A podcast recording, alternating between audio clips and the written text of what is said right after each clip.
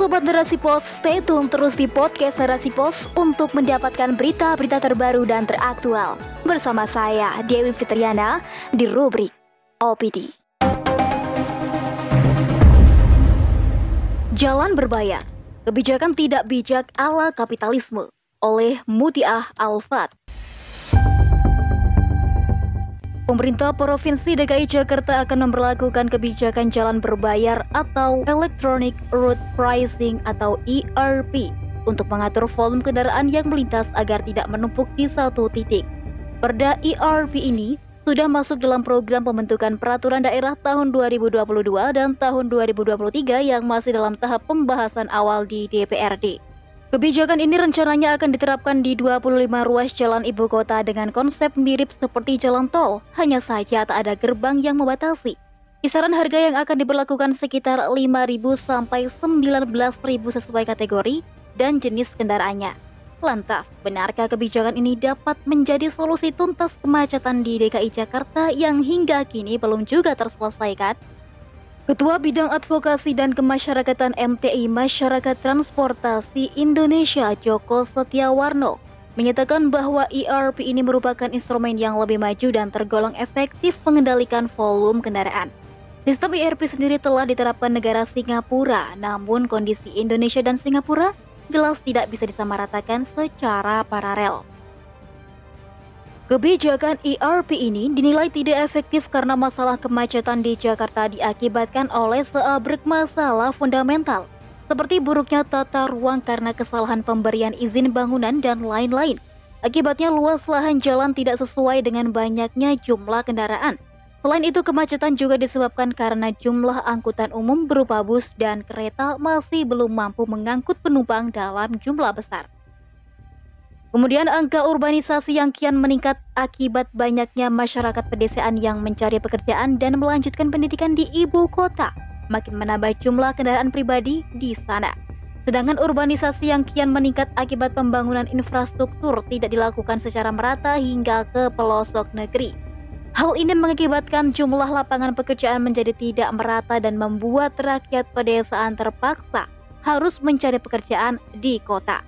Oleh karena itu, Selayaknya pemerintah memberikan kebijakan sesuai dengan akar masalah yang tengah dihadapi, seperti membangun infrastruktur secara merata baik di desa maupun di kota, menyediakan lapangan pekerjaan secara merata, mengatur jumlah kendaraan dengan menjaga kualitas ruas-ruas jalan agar tetap kondusif, dan beragam kebijakan cerdas lainnya yang tidak memeras rakyat. Namun sayangnya, negeri ini menerapkan sistem demokrasi kapitalisme yang membuat kebijakan politik dan ekonominya tidak mampu menghadirkan tata ruang dan publik serta infrastruktur yang terbaik bagi masyarakat. Angkutan umum yang berplat kuning menjadi kendaraan yang kebal ERP, padahal masih banyak jenis kendaraan masyarakat yang berplat merah seperti para ojek online, kurir, dan kendaraan pribadi lainnya di mana dalam sehari mereka akan melewati beberapa ruas jalan berbayar tersebut dan tentu saja kebijakan ini akan sangat membebani mereka. Jika kebijakan ini diberlakukan, maka jelas akan membebani masyarakat yang sedang mencari rizki tanpa pandang bulu. Kebijakan ini terkesan ingin menarik dana dari masyarakat secara paksa dan cepat. Pemerintah hanya menambah beban rakyat di saat negara ini belum mampu menyediakan lapangan pekerjaan yang cukup dan luas bagi masyarakatnya. Sistem demokrasi yang katanya menjunjung suara rakyat namun kenyataannya menjadi alat penguasa untuk mencekik rakyatnya dengan aneka program kebijakan berbayar yang wajib dipatuhi. Sistem demokrasi kapitalisme bak lintah yang terus menyedot darah rakyat hingga kering. Di saat yang sama pemimpin senantiasa mencari posisi aman untuk kepentingan pribadi, partai, oligarki, dan para pemilik modal namun tak pernah peduli terhadap nasib rakyatnya yang kian hari kian melarat akibat aneka jenis pajak lainnya. Sejatinya, inilah wajah sistem sekulerisme yang terbukti rusak dan merusak kehidupan, sehingga tak layak untuk dijadikan aturan hidup. Solusi yang ditawarkan selalu menggadai kesejahteraan rakyat termasuk kebijakan ERP ini yang jelas-jelas bukan solusi tuntas atasi kemacetan. Uang hasil ERP Rencananya akan digunakan pemerintah untuk memperbaiki kualitas transportasi publik di ibu kota. Begitulah pola dalam sistem kapitalisme.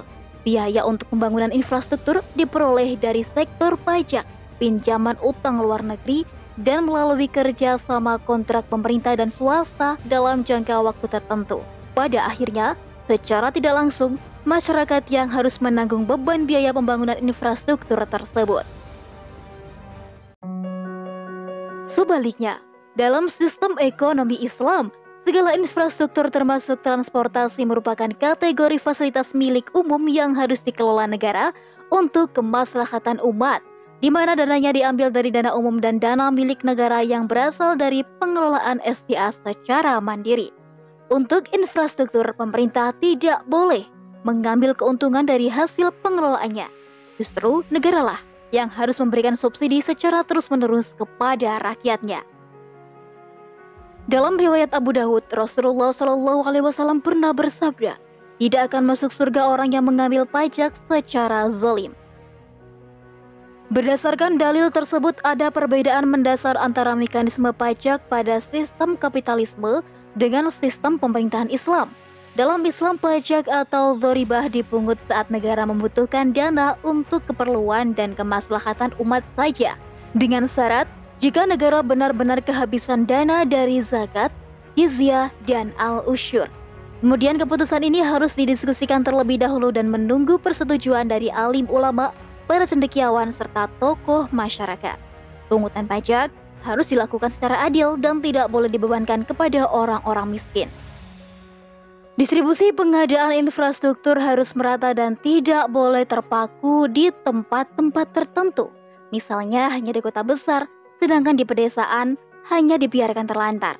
Selain itu, besarnya pajak harus sesuai dengan jumlah kebutuhan mendesak, bukan untuk pengeluaran yang tidak urgent. Selanjutnya, dalam Islam, infrastruktur tidak boleh dibangun dari utang ribawi dan swasta untuk meraih keuntungan dari rakyatnya. Misalnya pada masa kekhilafahan Abbasiyah, di mana penyediaan segala kebutuhan rakyat dilakukan seoptimal mungkin, seperti penyediaan jalan sebagai sarana transportasi, perencanaan tata ruang kota, desa, dan jalan-jalan dilakukan secara efektif dan efisien berawal dari perencanaan yang matang akan menghasilkan tata kelola yang luar biasa dan dilengkapi berbagai fasilitas untuk memenuhi setiap kebutuhan rakyat. Mulai dari perkantoran, taman kota, sekolah-sekolah, perpustakaan, pasar, rumah sakit, pusat industri, masjid, dan perdagangan semua dibangun secara merata baik di desa maupun di kota. Dalam daulah Islam, masyarakat tak perlu berurbanisasi demi penghidupan yang lebih baik, karena wilayah tempat tinggalnya telah aman dan nyaman dengan berbagai fasilitas yang memadai. Jalan-jalan dan sarana transportasi dibangun seoptimal mungkin dan disesuaikan dengan kebutuhan umat sehingga tidak ada proyek mubazir seperti pada sistem kapitalisme hari ini. Dengan begitu, kemacetan akibat salah tata kelola ruang publik dapat diminimalisasi sedini mungkin. Semua ini dilakukan karena negara memang memikirkan kepentingan rakyatnya tanpa menghitung-hitung keuntungan yang akan dicapai. Dapat disimpulkan kacaunya pengelolaan kebutuhan masyarakat terhadap instrumen pendukung transportasi seperti manajemen jalan menunjukkan bahwa sistem demokrasi kapitalisme telah gagal total mengatur kebutuhan dasar warga negaranya. Jalan umum yang seharusnya diperuntukkan untuk kepentingan rakyat justru menjadi objek pemalakan hanya sistem Islamlah satu-satunya sistem yang penerapannya sesuai dengan perintah Allah Subhanahu wa taala dan rasulnya semata.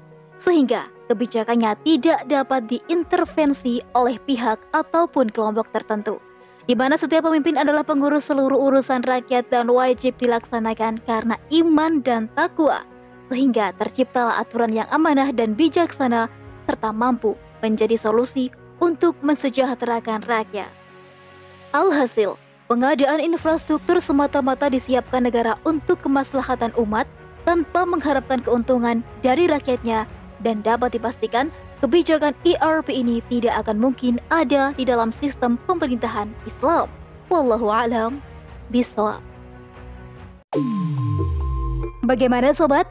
Makin greget setelah dengar opini kali ini? Yuk tinggalkan sistem kapitalisme dan tegakkan sistem Islam. Saya Dewi Fitriana. Sampai jumpa di podcast Narasi Pos selanjutnya. Tentunya di rubrik-rubrik yang berbeda. Tetap stay tune ya. Bye-bye.